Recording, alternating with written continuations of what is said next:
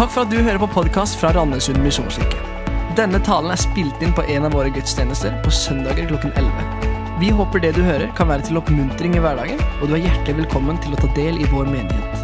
Gå inn på mkirken.no eller Randesund misjonskirke på Facebook for mer info. Yes, Vi er i uke to av serien Hva lurer du på?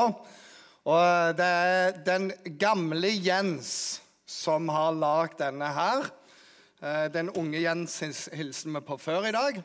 Og så starter hovedpastor Jarle opp denne serien sist gang. Mitt navn er Roy Elling. Jeg er medpastor her.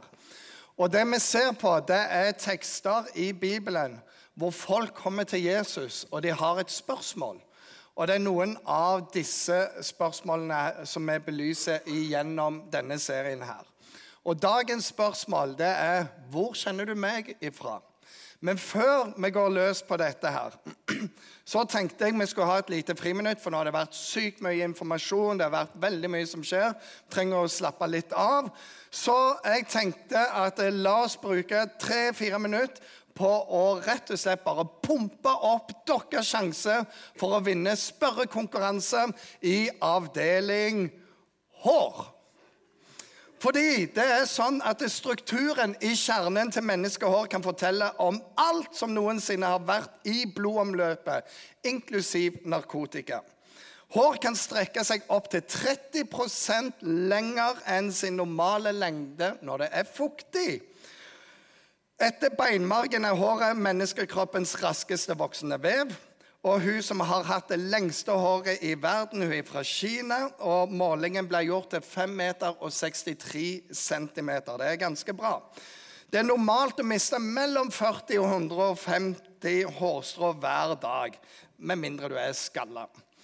Vi går videre. Varmt vær stimulerer til hårvekst, mens kulde det hemmer hårveksten.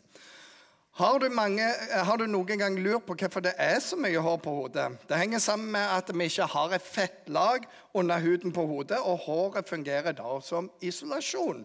Her er det fantastisk. Tenk å være i kirka og lære alt dette her. Ett hårstrå tåler så mye som opptil 100 grams vekt. Og et menneske har gjennomsnittlig 100 000 eh, hårstrå på hodet. Det vil si at håret ditt kan tåle vekten av to elefanter. Det er ikke verdt. Sort hår er det mest vanlige som fins. Det fins 2 blondine i verden. Og det gjør at blonde parykker er tre ganger så dyre å kjøpe som sorte parykker.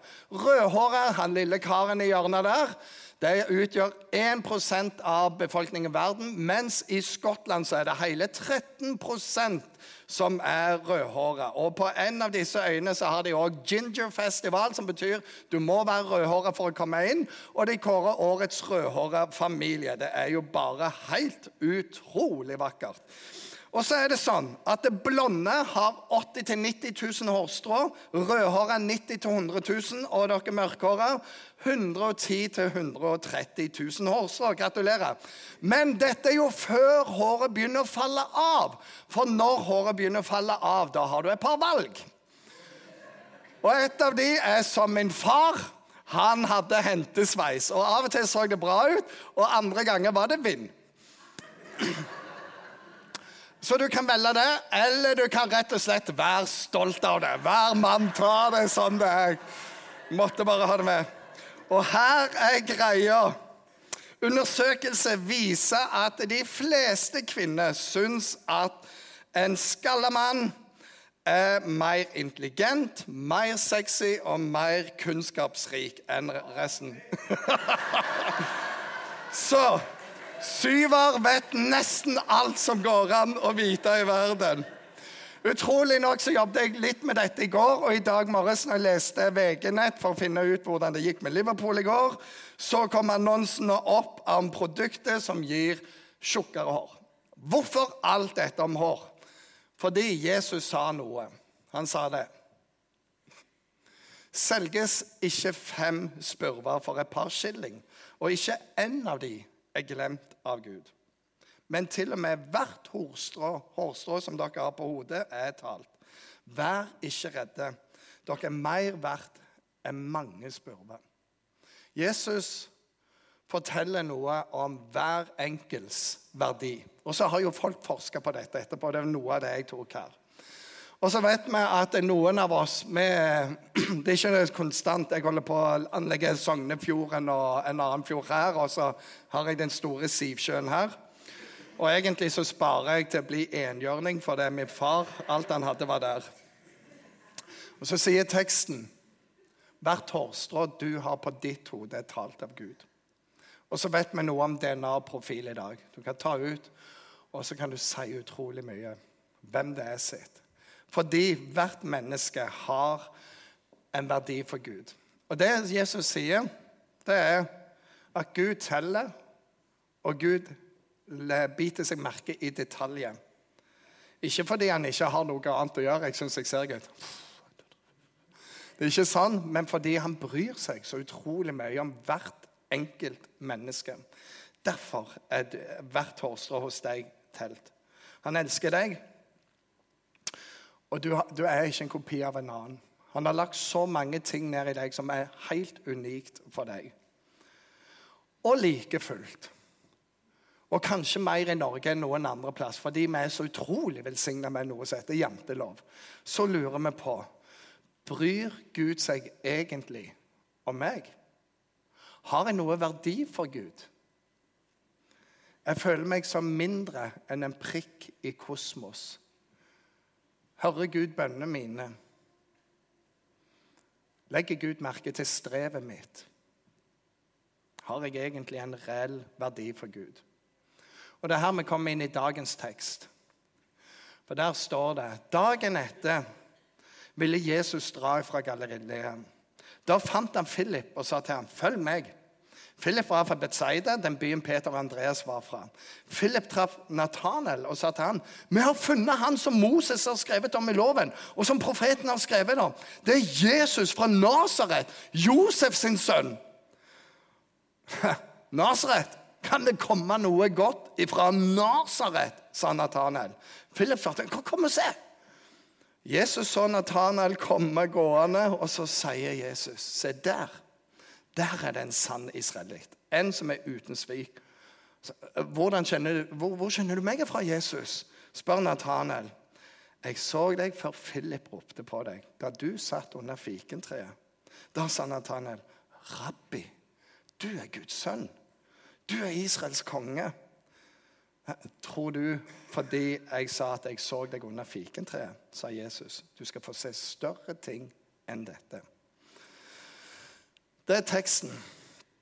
Og det er veldig interessant hvis vi følger denne personen her, Nathanael. Hans første respons det er dette. Kan det komme noe godt ifra Nasaret? Det er liksom Tenk deg at kompisen din Philip kommer og sier Vi har funnet Messias. Han er her. Det er Trygve fra Vennesla.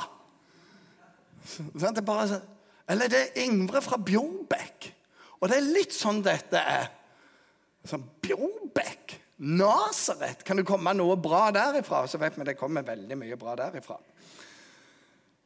Men det er utgangspunktet, og han har en sånn nedlatende tone. Litt bedre viter. Han kunne antageligvis noen skrifter, og det var ikke kommet noen store profeter derifra. Det var en liten eh, plass og i det hele tatt. Og denne greia Men kan det komme noe godt derifra? Den kan vi ha med oss.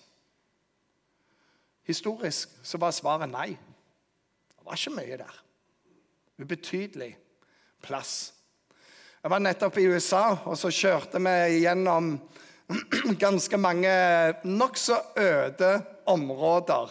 I Minnesota det er opp mot Canada, og jo nærmere Canada, jo mindre blir byene. Og de sa oh, it's just a hole in the road. Så at du bare ser Du kom til disse vanvittige byene som heter Malmo og Dalbo. og Alt er jo svorsk der oppe. Og så sier det, det er en prikk ute i ingenting. Nasaret var der. Og så er det noe med den der Jeg gidder ikke undersøke det, for jeg vet det ikke er verdt det. Men Jesus, han kom fra Nasaret. Og ofte så kan vi si det samme. Kan det komme noe godt? Fra Jesus. Han kommer jo fra Nasaret. Og så sier kompisen, 'Kom og se. Kom.' Ikke bare lag deg en mening, men undersøk det. Jeg har hatt med så mange på forskjellige typer turer. USA, det er jo bare for alle amerikanere sånn. Så jeg skal bli med meg en tur. Så pleier det å vende seg ganske mye om. Av og til er folk litt redde for ting. Første gang jeg skulle ha gokart, så var jeg litt sånn, ah, jeg visste ikke om jeg ville, for jeg var litt redd for at jeg skulle dumme meg ut. Halvveis ute i løpet gikk nokså bra, så kom kompisen min og dunket borti bilen min. Og så var det sånn Er det lov? Og da er det sånn at når en pastor som alltid må holde igjen, plutselig har lov til det er innenfor reglementet, så sa de bare Du er det verste galningen vi har sett på den banen. Jeg smadra alle kompisene mine, og jeg lo høyere og høyere for hver sving. De bare boom, uti der. Og det bare, wow! Kan det komme noe godt? Du må komme og se. Du må komme og prøve sjøl. Sånn med Jesus òg. Kan det komme noe godt fra han? Kom og se, sier han, for din egen del. Og så når Jesus ser han, så sier han ikke 'Å ja, så du tviler på meg, du?' Han sier 'Se der'. Han ser mye, mye lenger. Det er det han gjør med hver enkelt. Han har planta noe ned i oss. Du er en sann israelitt. Du er uten svik. Han blir bare sånn Hvor kjenner du meg ifra? Det er det som er dagens spørsmål. Hvor kjenner du meg ifra? Og det kan vi lure på, noen og enhver.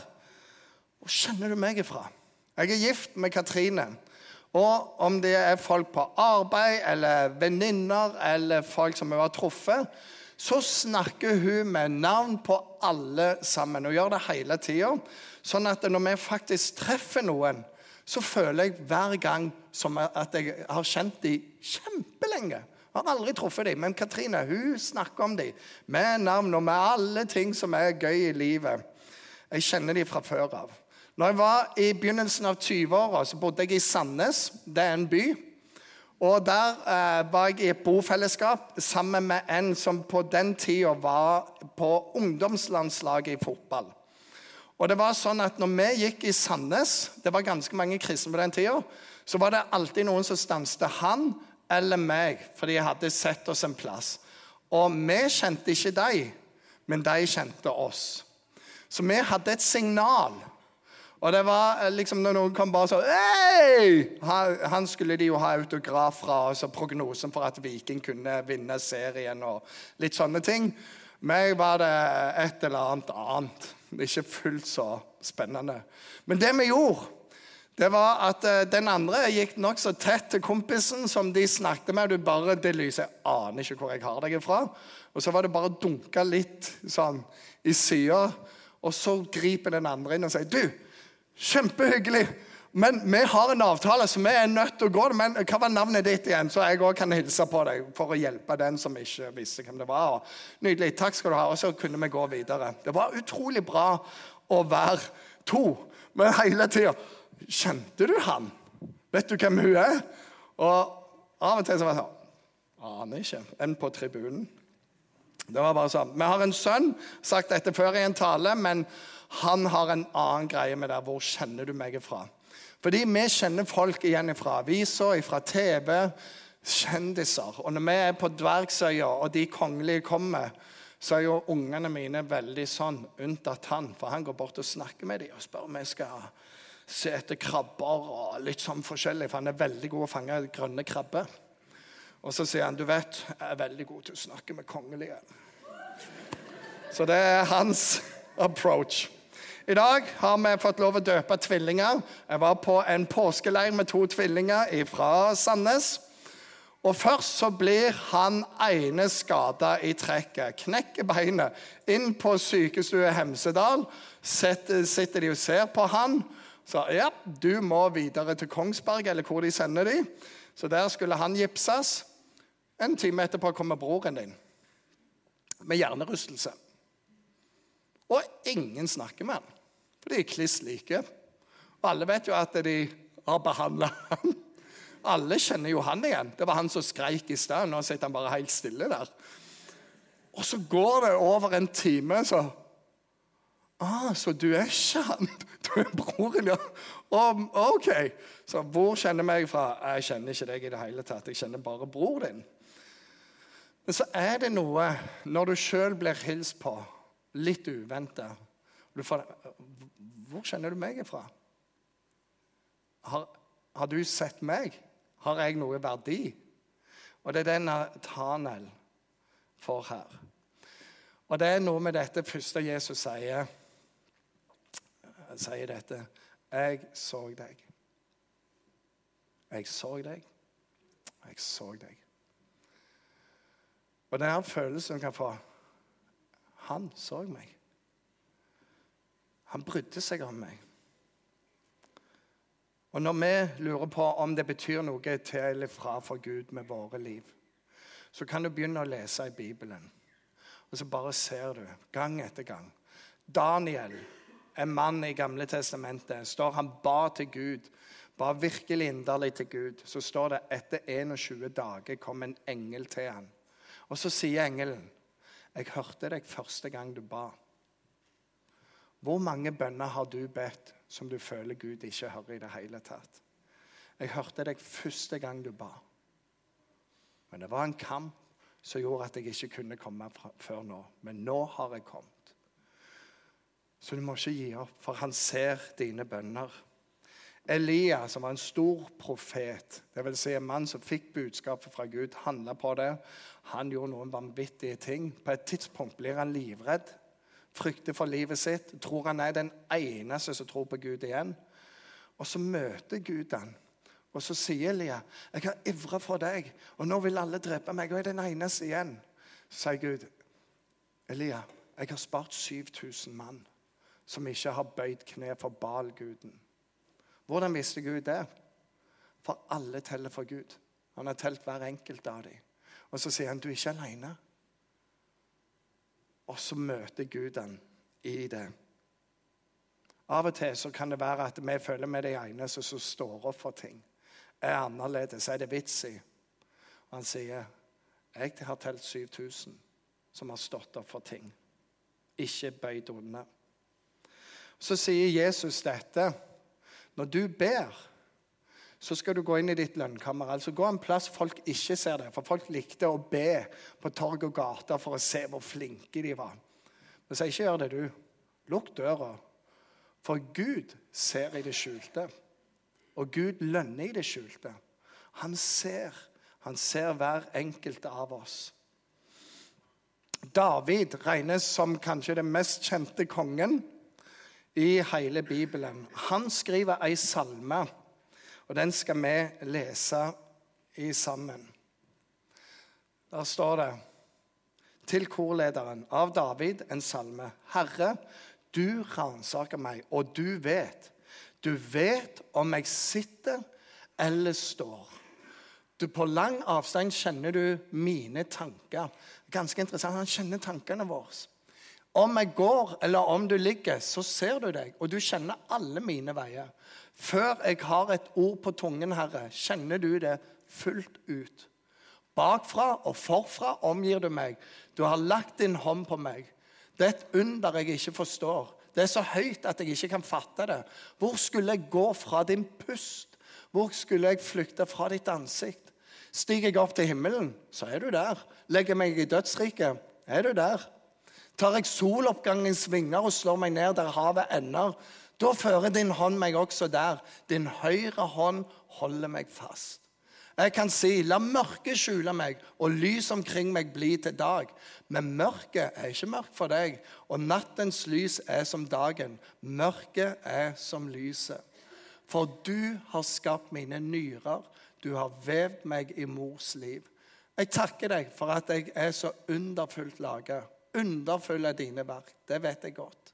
Knoklene mine var ikke skjult for deg da jeg ble laget på hemmelig vis og vevd dypt i jorden.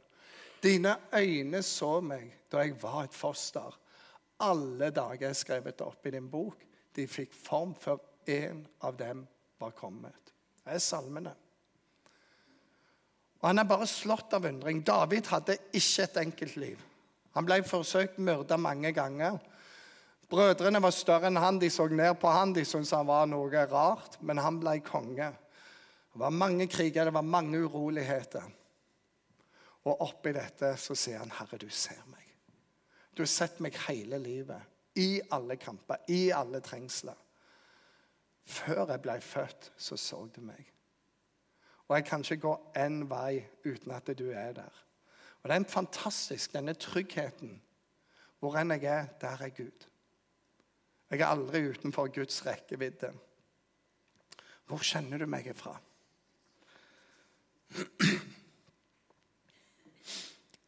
Og så er det en ting òg som et bibelvers som har betydd veldig veldig mye for meg gjennom eh, store deler av livet. Det går sånn.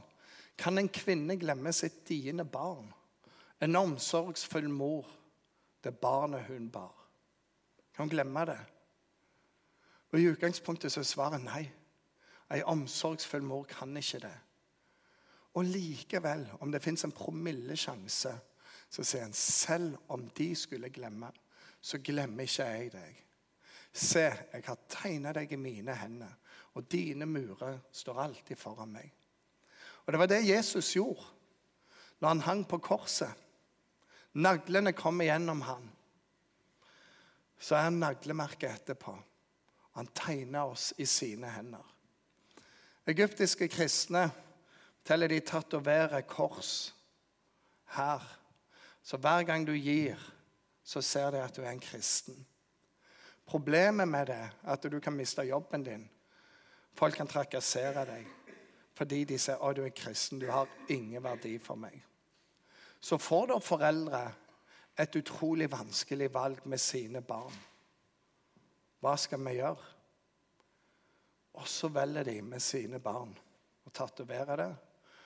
Vel vitende de er stempla for livet. Alle ser hvem de er. Det betyr kanskje vanskelig skolegang, utskjelling fra lærere, dårlige karakterer som ikke er fortjent. Vi sier det er noe som er mer verdt. Og så er det en som har tegna deg i sine hender. Så hver gang han strekker ut, så ser han deg, ditt navn. Og dine murer, det er dine vanskeligheter. De står der. Og så må vi gjøre det om til en bønn. Hvor kjenner du meg fra? Fra før du ble født. Fra DNA-et i hvert hårstrå på fingrene dine. Fra de naglete hendene. Fra Guds liv som gir oss nåde til en ny dag. Og så står Jesus der. Og så har Ingrid Eskil, som dere så oppe med, Bibelen, med bøkene som ble delt ut i dag, sier evangeliet kan rommes i ett eneste ord. Og det er dette ordet kom. Kom til meg, du som strever tungt å bære. Kom, for alt er ferdig. Bare kom. Kom og fortsett å komme. Igjen han der sønnen min som er så utrolig god med de kongelige. Han har òg dette med fysisk kontakt, og spesielt når han var mindre og alt var litt sånn dårlig. Så var det en ting som hjalp mer enn noe annet. Det var bare å ta ham på fanget og sitte der. Vi trengte ikke å si noe. Men litt etter litt kunne kjenne at denne spenningen slapp. Og så ble det bedre. Og så begynte Og til slutt så var han lada nok. Trengte bare litt nærhet. Og så var livet godt igjen. Minstemann òg kan være sånn. Han må krype oppi. Klemme litt, holde litt. Vite at vi er der. Og sånn er det kanskje for oss òg komme og bare sitte hos Jesus. Jeg skal avslutte med å si dette. Og Det tror jeg kanskje er et budskap. Av og til får vi tanker så tenker det var ikke helt meg. Men her er det. Du betyr noe for Gud. Du betyr noe for Gud. Du er unikt skapt av Han. Med håret, med DNA-et, med alt. Du er enestående mye verdt for Han. Jeremia 31 sier med evig kjærlighet har jeg elska deg. Og Derfor lar jeg min miskunn mot deg vare. Så kom til Han. Våg det. Herre Jesus, jeg takker deg for det. Dette møtet med Nathanael, han som går ifra å være utrolig skeptisk Kan det i det hele tatt komme noe bra ifra Nasaret? Og så kom du ifra Nasaret. Og så kan vi spørre kan det komme noe bra ifra Jesus. For han har hørt så mye, har lest så mye rart. Og så sier kompisen bare kom og se. Herre, jeg ber om at du må hjelpe oss å komme og se sjøl. Komme og erfare deg sjøl.